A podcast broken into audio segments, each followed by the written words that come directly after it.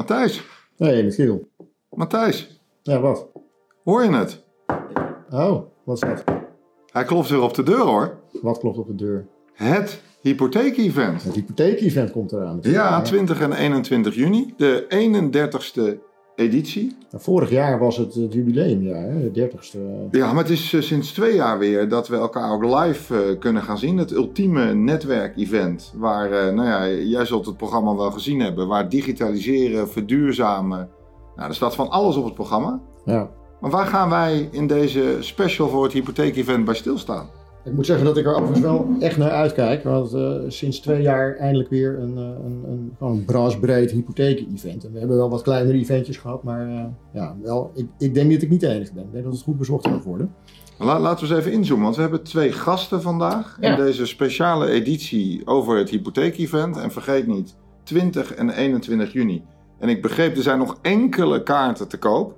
Maar wie hebben wij vandaag aan tafel? We hebben vandaag aan tafel allereerst Carla Muters. En eh, Carla is natuurlijk bekend als bestuursvoorzitter van NAG. Ja, En van al haar bijbaantjes is één van haar bijbaantjes ook dat ze lid is van de programmaraad, net als wij trouwens.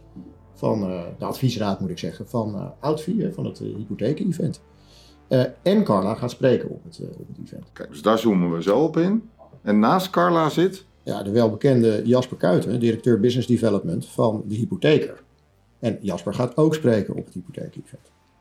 Over digitalisering, hè, eh, brondata en dergelijke. Dus eh, het wordt een uitdaging om alles wat op het event op tafel komt vandaag te gaan raken. Maar we gaan het proberen. ja, want voordat we zo meteen gaan inzoomen op eh, het verhaal van Carla. Hè, we gaan natuurlijk proberen Carla een hoop te ontlokken.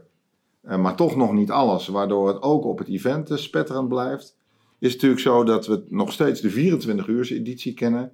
S'avonds drie sprekers en een dagvoorzitter. En volgens mij, Matthijs, ben jij één van die drie sprekers. Ik ben een van die drie sprekers en jij bent de dagvoorzitter. Ja, dus ik hoop maar dat iedereen tijdens jouw verhaal niet gaat plassen, zijn handen gaat wassen of wat anders gaat doen. Maar dat gaat ongetwijfeld goed komen. En de volgende dag spreken dus Carla en Jasper. Precies. En laten we eens gaan kijken waar Carla het over gaat hebben.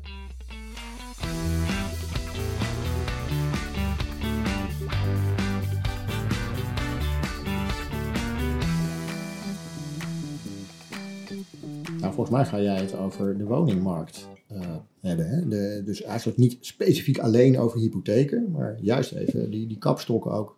Die, ja, want onze sector draait op de woningmarkt en dat vergeten we soms wel eens. Eh, Ja, er Ja. gebeurt nogal veel in Ja, de woningmarkt. Dus eh, daar is zeker wat over te vertellen. En er zijn ook een aantal sprekers voor mij en ook in de avond hè, die, die wat breder dat perspectief ook schetsen. Wat gebeurt er allemaal om ons heen?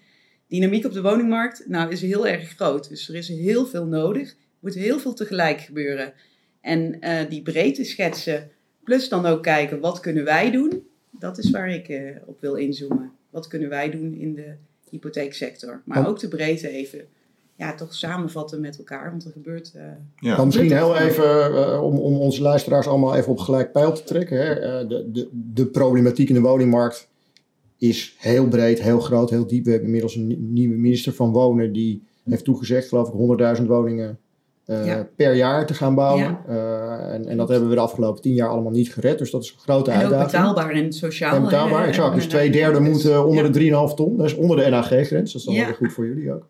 Ehm, maar maar eh, laten we eens even erop inzoomen. Wat is die problematiek nou echt? Ja, we hebben, we hebben woningtekort. Dat Ja. horen we natuurlijk al jaren. Eh, maar waarom is dat nou zo? Wat, wat, wat, Nou, we hebben woningtekort, we hebben stijgende huizenprijzen, we hebben ongelijkheid. Hè, dus er is een hoop problematiek eh, tegelijkertijd. Hè, de betaalbaarheid en eigenlijk de toegang tot een woning is gewoon heel moeilijk. Vooral voor starters. Dus eh, er zijn echt groepen die hier ook het hardste door worden geraakt. Ehm, als je kijkt naar... is dat zoveel moeilijker dan, want dat hoor je natuurlijk heel veel hè. Hm? Maar als ik eh, mijn ouders spreek, in de jaren 70 was er ook geen eh, woning in de stad voor een starter te krijgen. Dus is het nou zoveel moeilijker of is dat iets wat we elkaar wijsmaken?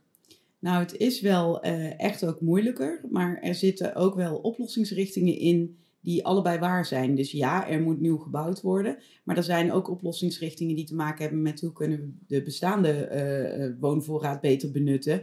Of juist eh, het samenwonen niet meer korten op je, op je uitkering, hè, maar Mhm. stimuleren. De, de, dus er zijn ook oplossingen, transformaties ehm, in de tussentijd nodig. En dat, ehm, maar er is wel degelijk een hoog probleem. En, en, en, en dat zie je met name bij starters, maar ook als je een relatiebeëindiging, uh, mensen die gaan scheiden en een andere woning nodig hebben. Ja, dat, dat, je, je hoort ook de berichten van dat kan gewoon niet. En je hoort ook de berichten van jongeren die echt geen woning vinden en ook lang thuis wonen. Dus ja, de problematiek is er zeker. Maar de oplossing is niet alleen maar meer bouwen, omdat eh, dat, ja, dat is ook nodig, maar dat gaat ook lang duren. En je moet ook bouwen naar behoeften. Dus ook mhm. kijken van wat zijn dan die woonwensen en daar ook uh, goed naar kijken. Ja, maar, maar ik, ik heb zelf het gevoel, hè, maar dat, dat, dat is denk ik ook wel aan te tonen met, met de, de, cijfers. Maar dat we wel op een kantelpunt in die woningmarkt staan. Hè, door, door stijgende rente, inflatie. Uh, je ziet nu al ander gedrag bij kopers en verkopers. Er komen meer woningen op de markt nu, omdat mensen toch gaan verkopen. Aantal bezichtigingen. aantal bezichtigingen is, is, is, is, het is nog steeds drukker, maar genormaliseerd. Hè. Het is niet meer Zeker. volledig overspan, wordt al iets minder overboden. We hadden al uh, wat, wat daling van de huizenprijzen volgens de NVM in het eerste kwartaal. En die cijfers uh, die, die lijken wel te kloppen. Dus de vraag is, is dit niet het begin van een trend dat het wat gaat, in ieder geval normaliseren, dat er lucht uit gaat lopen?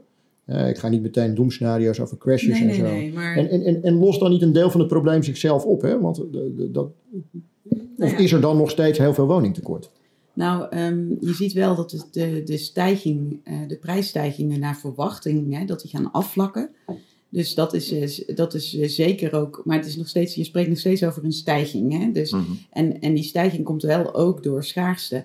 Wat je ook ziet is dat vooral lage en middeninkomens het heel moeilijk hebben.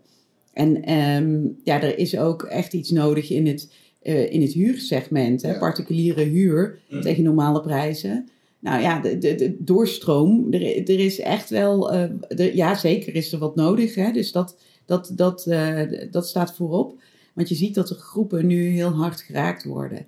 En ja, hogere inkomens kunnen nog wel wat kopen, maar ja, ook, ook dat. Uh, ja, dus het gaat niet alleen over de koopwoningenmarkt natuurlijk ook. Hè, wat, wat je terecht zegt, het gaat zeker ook over het huursegment. Zeker, en, ja. En daar, ja, zo daar hebben we natuurlijk al heel lang ook schrijnende wachttijden in de sociale huur. En, en absurd hoge huren in het kleine particuliere huursegment. Ja, klopt. Uh, ja. Dus, dus die woningmarkt is veel breder dan alleen uh, het Ja, en daar is ook iets in gelijk trekken van koop en huur hè, nodig. Maar goed, dat is niet direct hè, wat wij hier uh, met elkaar kunnen beïnvloeden. Maar dat zijn wel, als je wat breder de ontwikkelingen schetst, uh, dat is wel wat er, wat er echt nodig is. Hey, en Carla, neem, neem ons eens mee in hoe dat, wat dan de rol van NAG is. Hè? Want uh, nou, we lezen natuurlijk allemaal, Hugo de Jonge die treedt aan.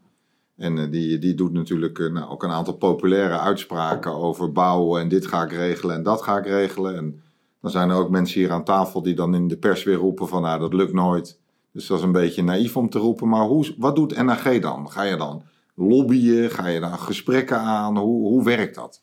Ja, we, we hebben in ieder geval uh, uh, goed gekeken natuurlijk naar de plannen vanuit het regeerakkoord en de plannen waar Hugo de Jonge elke, ja, uh, elke dag bijna mee, mee komt. Hè. Dus dat, dat volgen we. Um, en we kijken waar, waar, dan aanknopingspunten zitten voor ons. En dat, voor ons hè, bedoel ik met z'n allen, ook de luisteraars hier, hè, van ons in de hypotheekmarkt, in de woningfinanciering. Um, iets breder, uh, als je daarnaar kijkt, een, een, platform hypotheek hebben we overleg ook met de minister van wat kunnen we allemaal doen uh, samen.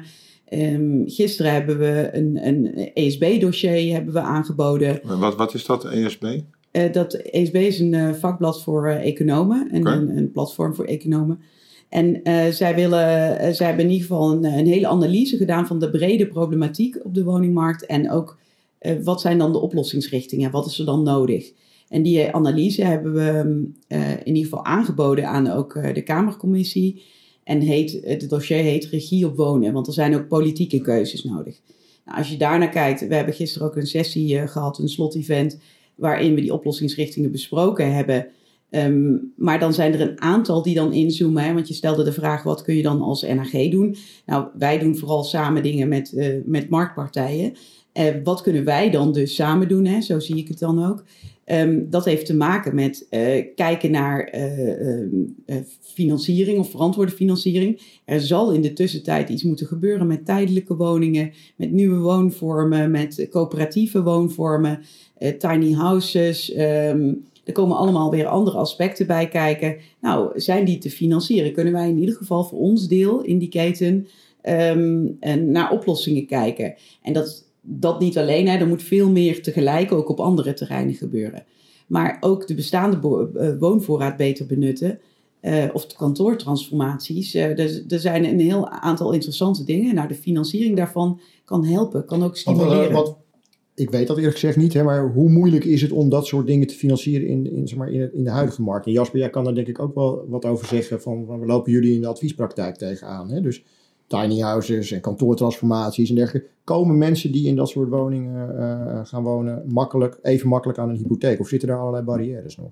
Nou, als je kijkt naar, naar waar uh, qua financiering het dan lastig is, is dat de woningen niet nagelvast uh, zijn. Hè? Dus, en wat is dan de waarde en wat, is dan, wat gebeurt er dan na 10 jaar of na 15 jaar? Hè? Wat, ja, wat gebeurt er dan? De, de, de grond, de vergunning. Hè? Dus, dus daar, daar zit iets in. Het is echt een andere situatie. Dus moet je dan een financiering sluiten die afloopt na, na tien jaar.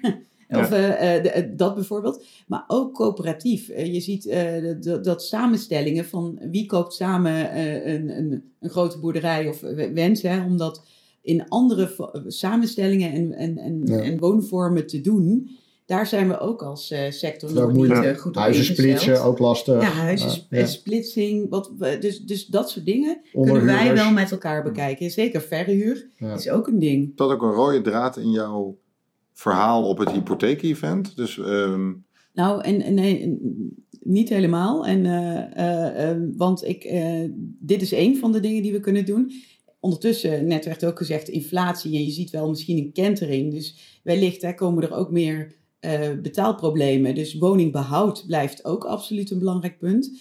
Maar tijdens het event is ook gezegd, wat kunnen wij wel doen? We willen ook inzoomen op digitalisering en verduurzaming. Want daar, ook daar staan echt uh, grote uitdagingen. En daar kunnen we wel met z'n allen aan bijdragen. En die digitalisering helpt dan voor de dienstverlening voor de consument. En die verduurzaming voor het, uh, ja, de, de, hele grote uitdaging die we hebben met het klimaatakkoord verduurzamen van woningen. En daarmee wooncomfort, woonlasten, woningwaarde. Dus dat, daar zou ik op. Ja, daar die thema's, laten we, laten we daar zo op inzoomen. Hè. We kunnen natuurlijk nog drie uur over die woningmarkt praten, maar dat gaan we op het event ook doen. Hè. Dus uh, dit was de teaser, uh, mensen. Ja. ja. Um, misschien ook een brugje naar Jasper dan. Hè. Um, uh, verduurzaming speelt zeker ook bij NAG. jullie zijn als de hypotheker denk ik ook veel met het thema bezig. Ja, absoluut Matthijs. En ik, ik, sluit in die zin aan bij wat, wat Carla zojuist zei. Uh, dat uh, de, de uitdaging van de, van de hypotheekmarkt, van de woningmarkt, eh, een mix aan maatregelen nodig zijn. geen, geen, geen populaire kortcyclische oplossingen, maar eigenlijk veel meer een integraal, integrale oplossingen voor een langere termijn. En vanuit de hypotheek zijn we ook overtuigd dat verduurzaming is een heel belangrijk thema daarin, daarbij, maar ook, ook digitalisering. En als het over verduurzaming gaat, bijvoorbeeld organiseert de hypotheken in de komende, komende anderhalve maand een aantal duurzaamheidsevents vanuit, vanuit de eigen organisatie. Uh, het idee daarachter is dat wij, uh, we hebben een aantal jaar terug een, een HomeQGo-platform bij ons geïntroduceerd. En als hypotheken zijn, vinden wij het belangrijk dat bij de advisering ook het hele energiegebruik, verbruik meegenomen wordt. Ik denk dat we allemaal in de afgelopen maanden hebben gemerkt wat de impact is als, als energie niet meer zo betaalbaar is als we ooit gewend waren. en der, der, om die reden is het ook zo belangrijk dat we ook dat vraagstuk goed meenemen in, in die adviespraktijk. En dat we daar ook de juiste oplossingen voor bieden. Dus de hypotheek zet vol in ook op verduurzaming in de komende jaren. En uh, ik geloof dat we dat betekent, Dat betekent dat, Jasper, dat je ook zegt van in onze adviezen staan we echt altijd stil vanaf nu bij uh, die, ma die, maandlasten in een breder perspectief. Hè, dus inclusief energielasten en overgewoon lasten. Uh, om ook op die manier wat beter over netto besteedbaar inkomen te kunnen adviseren. Gebeurt dat al in de praktijk? Ja, wij vinden het belangrijk dat in het hypotheekadvies alle uh, financiële componenten die uh, substantieel zijn hè, voor de uitgave van de consument, dat is energie nu hele ten dagen een, een grote, grote uitgavenpost, dat dat meegenomen wordt. Wat dan belangrijk is, dat we dat voor zowel de consument als onze adviseurs ook goed faciliteren met de juiste tooling en dat dat in het gesprek goed meegenomen kan worden. Nou, daar, daarom hebben we dat platform een aantal jaar terug geïntroduceerd. En wij richten ons vooral op de financierbaarheid van de verduurzaming. Dat is even een duidelijk onderscheid. Wij zijn niet de experts op de verduurzaming zelf.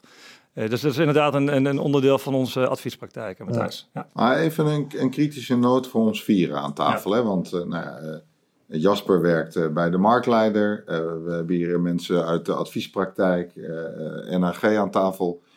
Hebben we niet een beetje boter op ons hoofd? Want nu gaan we allemaal maatregelen bedenken voor de woningmarkt. Hadden we tien jaar geleden hadden we dit ook al kunnen voorspellen. Nu willen we opeens allemaal als adviseurs aan de duurzaamheid. Drie jaar geleden wilde er geen enkele adviseur aan de duurzaamheid. Wat is nu waar? Wie heeft daar, want dat is op het hypotheek-event ook interessant. Wie heeft daar nu het antwoord op? Nou, ik, ik, ik snap je ergens waar je opmerking vandaan komt, uh, Michiel. we zijn allemaal al wat langer in de branche actief, dus ook een onderdeel ook van, van de huidige problematiek, zou ik willen zeggen. En daarom sloeg ik net ook op aan dat een mix van maatregelen voor een lange termijn moet zijn. En daar heb je dus als keten elkaar bij nodig.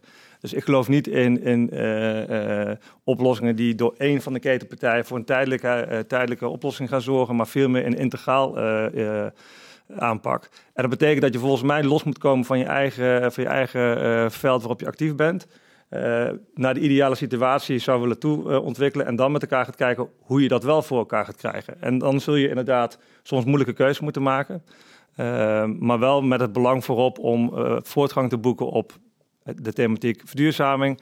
Maar ook op de andere thema's die in de, in de woningmarkt actueel zijn. Maar ik denk dat het wel een heel goed punt is hoor. Want ik ben het helemaal met je eens dat sommige ontwikkelingen erg langzaam gaan in de hypotheeksector. En uh, dat komt ook uh, ja, blijkbaar als, als de urgentie er wat minder is. Of het gaat, het gaat goed, hè, dan, dan, dan, dan zie je dat we vooral dan met, met die actualiteit bezig zijn.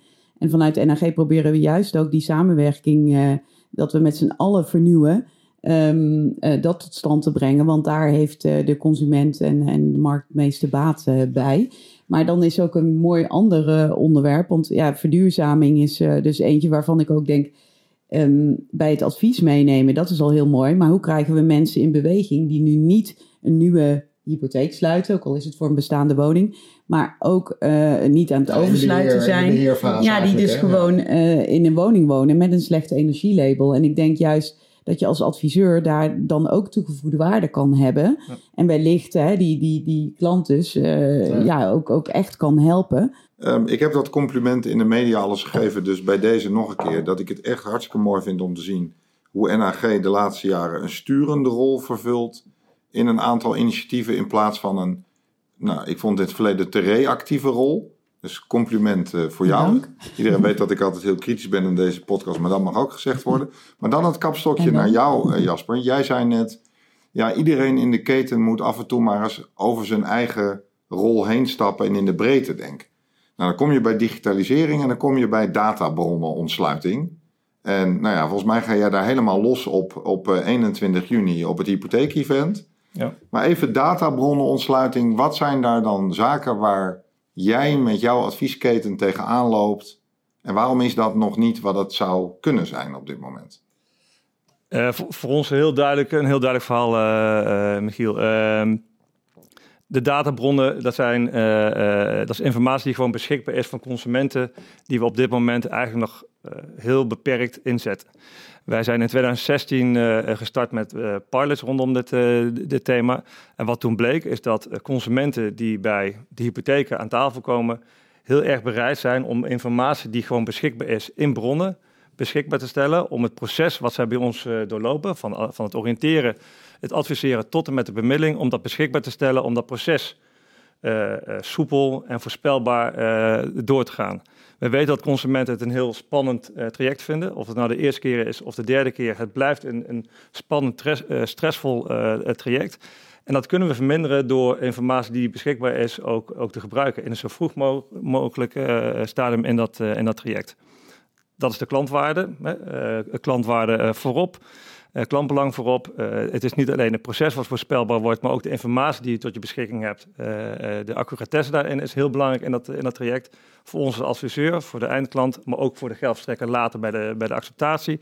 Dus we zien eigenlijk voor alle ketenpartijen niets dan voordelen als het gaat om het inzetten van bronontsluiting. Dat is een no-brainer eigenlijk, hè, als je er zo over praat. Maar dit, wat, wat mij dan triggert, misschien dat, sorry dat ik je dan onderbreek, hè? Dus, ja. dus ik ben het daar roerend mee eens, dat weet, dat, dat weet je. Ja. Um, maar waar we nu staan, en dit, dit, dit kan al vijf jaar. Hè? Ja. Uh, waarom gaat dit dan zo langzaam? En niet alleen bij jullie, hè? gewoon sectorbreed. Uh, waar, waar hangt dit op en wat is er nodig om, om tot een doorbraak te komen? Want het is echt in ieders belang. Hè? Ja. Betere Ja, daar- data, daar snellere Jasper- processen. Daar gaat Jasper ook een oproep eh, Ja, op het event over doen, volgens mij. ja. Dus wat gaat daar nu nog niet goed in jouw optiek? Ehm, terwijl alles volgens Matthijs technisch, eh, qua databronnen, alles kan al. Waarom Al lang. werkt niet Ja. elke geldverstrekker, elke adviesketen, staat niet elke toezichthouder in Nederland dit toe?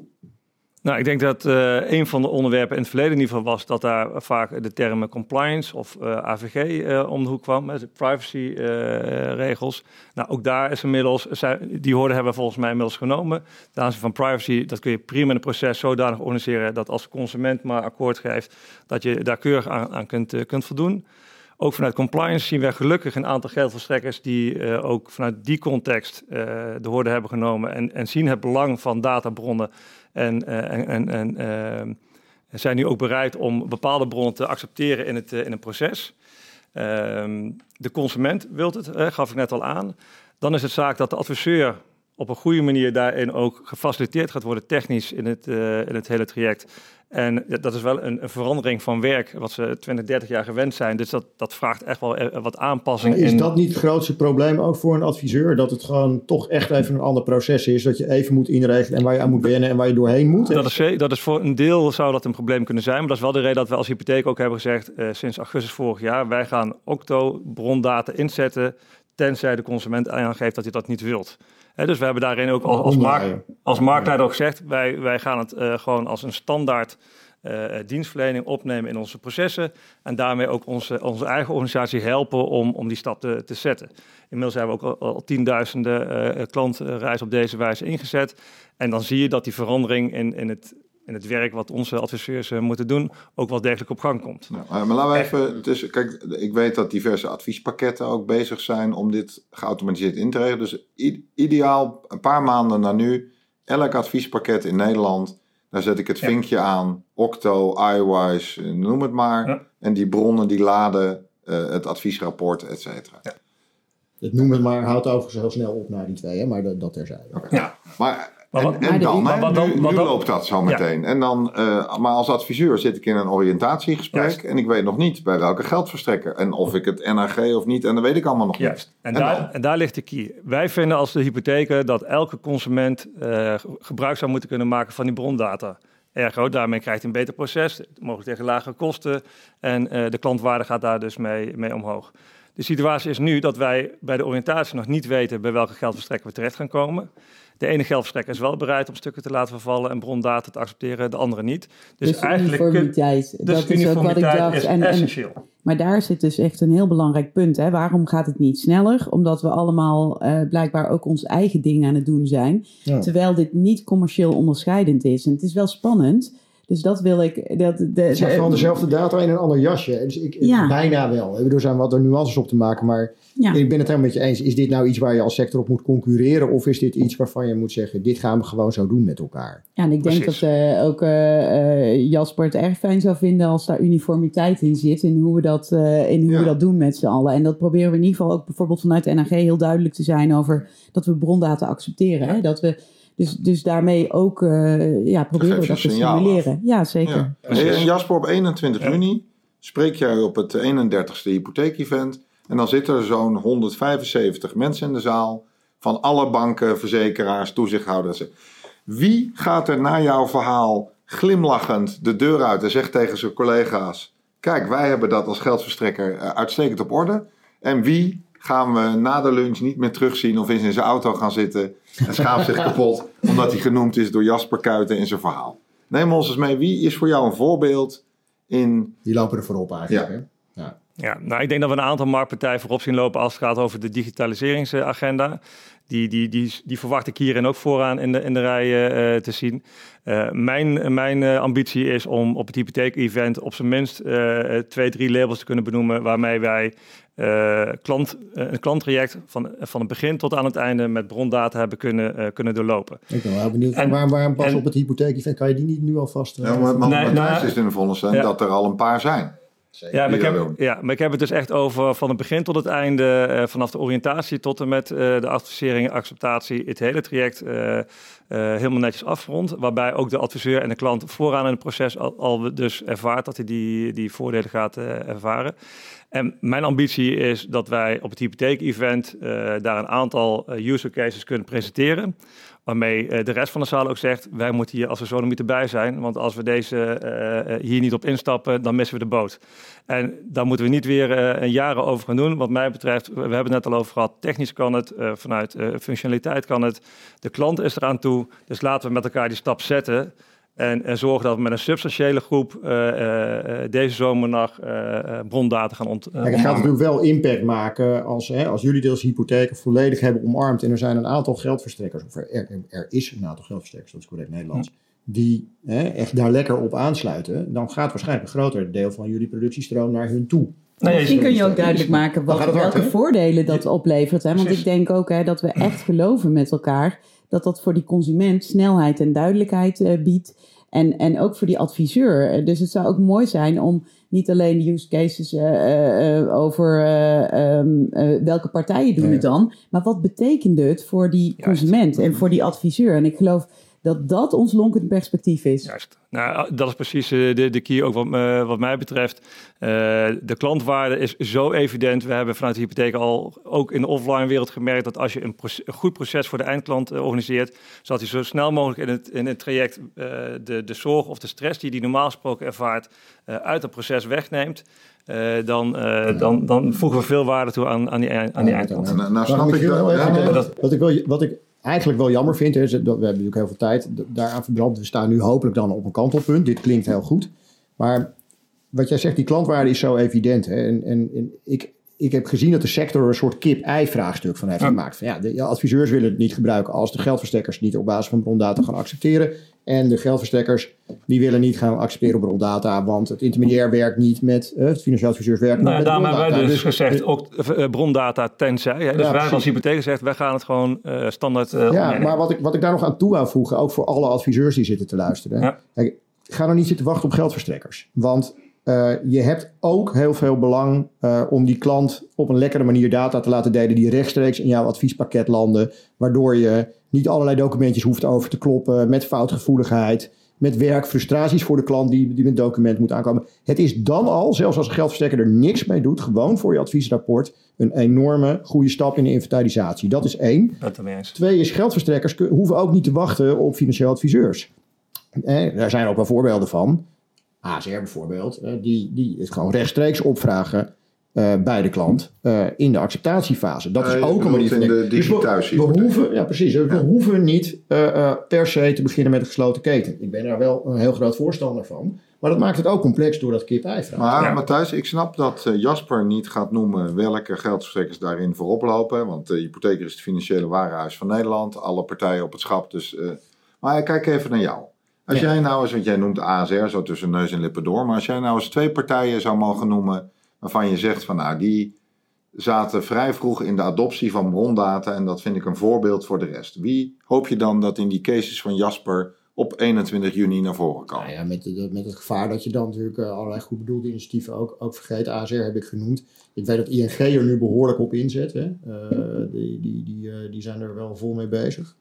Um, als ik daar eigenlijk, ik, zou daar graag op willen reageren. Eigenlijk vind ik uh, de, de geldverstrekkerskant daar minder relevant. Ik vind het belangrijk dat de grote consumentengroep uh, daarmee bereikt wordt. Dus eigenlijk zou ik willen kijken naar de top, de top geldverstrekkers in ons land. Die dus het, groot, het grootste deel van de Nederlandse... Maken, precies. Ja, ja. Want dan bereiken we de meeste eindklanten waar we het uiteindelijk voor moeten doen.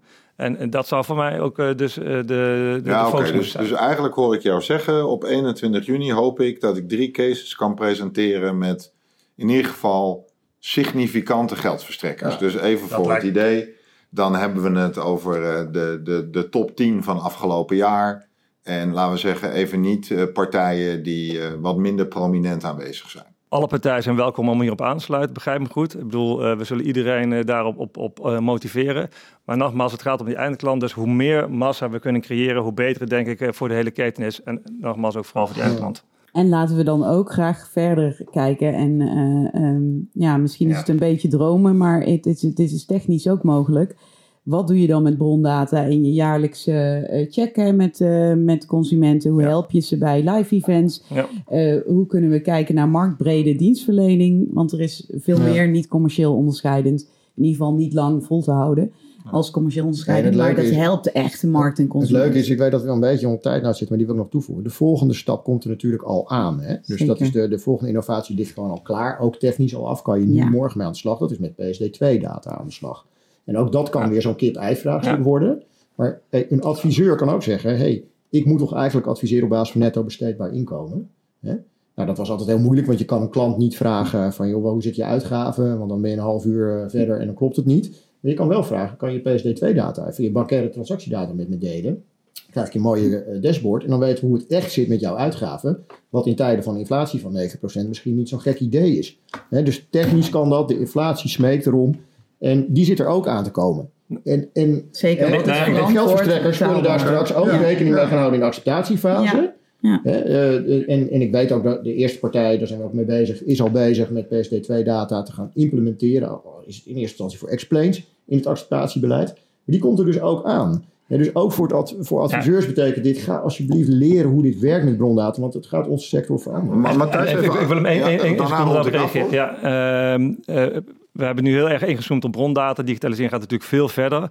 En ik denk dat een belangrijke eh, eh, rol ook van digitalisering is, is dat de adviseur juist eh, met die eindklant goed in gesprek kan. Juist wel over zijn toekomst, toekomstige behoeftes en wensen. En wat minder bezig hoeft te zijn met allerlei eh invoerwerk, procesdingetjes. Dat Ja. kunnen we allemaal met digitalisering heel netjes invullen. Zeker. Dus laten we dat met elkaar gaan, eh, voor elkaar gaan krijgen. verantwoorde advieskosten daarmee eh, voor dat. toegevoegde waarde. Ja, ook en dat. Ja. kan met data en digitalisering.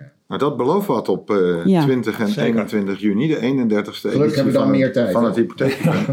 Overigens, Matthijs, blijf ik een onmetelijk respect voor jouw vrouw hebben, want jij, merk ik, denkt altijd een stap verder als de rest. Dus dat moet voor haar ook wel heel vermoeiend zijn dat zij met jou iets aan het doen is en jij het eigenlijk alweer hebt over, dat niet. over de stap daarna. Dus eh, bij deze alle respect aan de vrouw van Matthijs.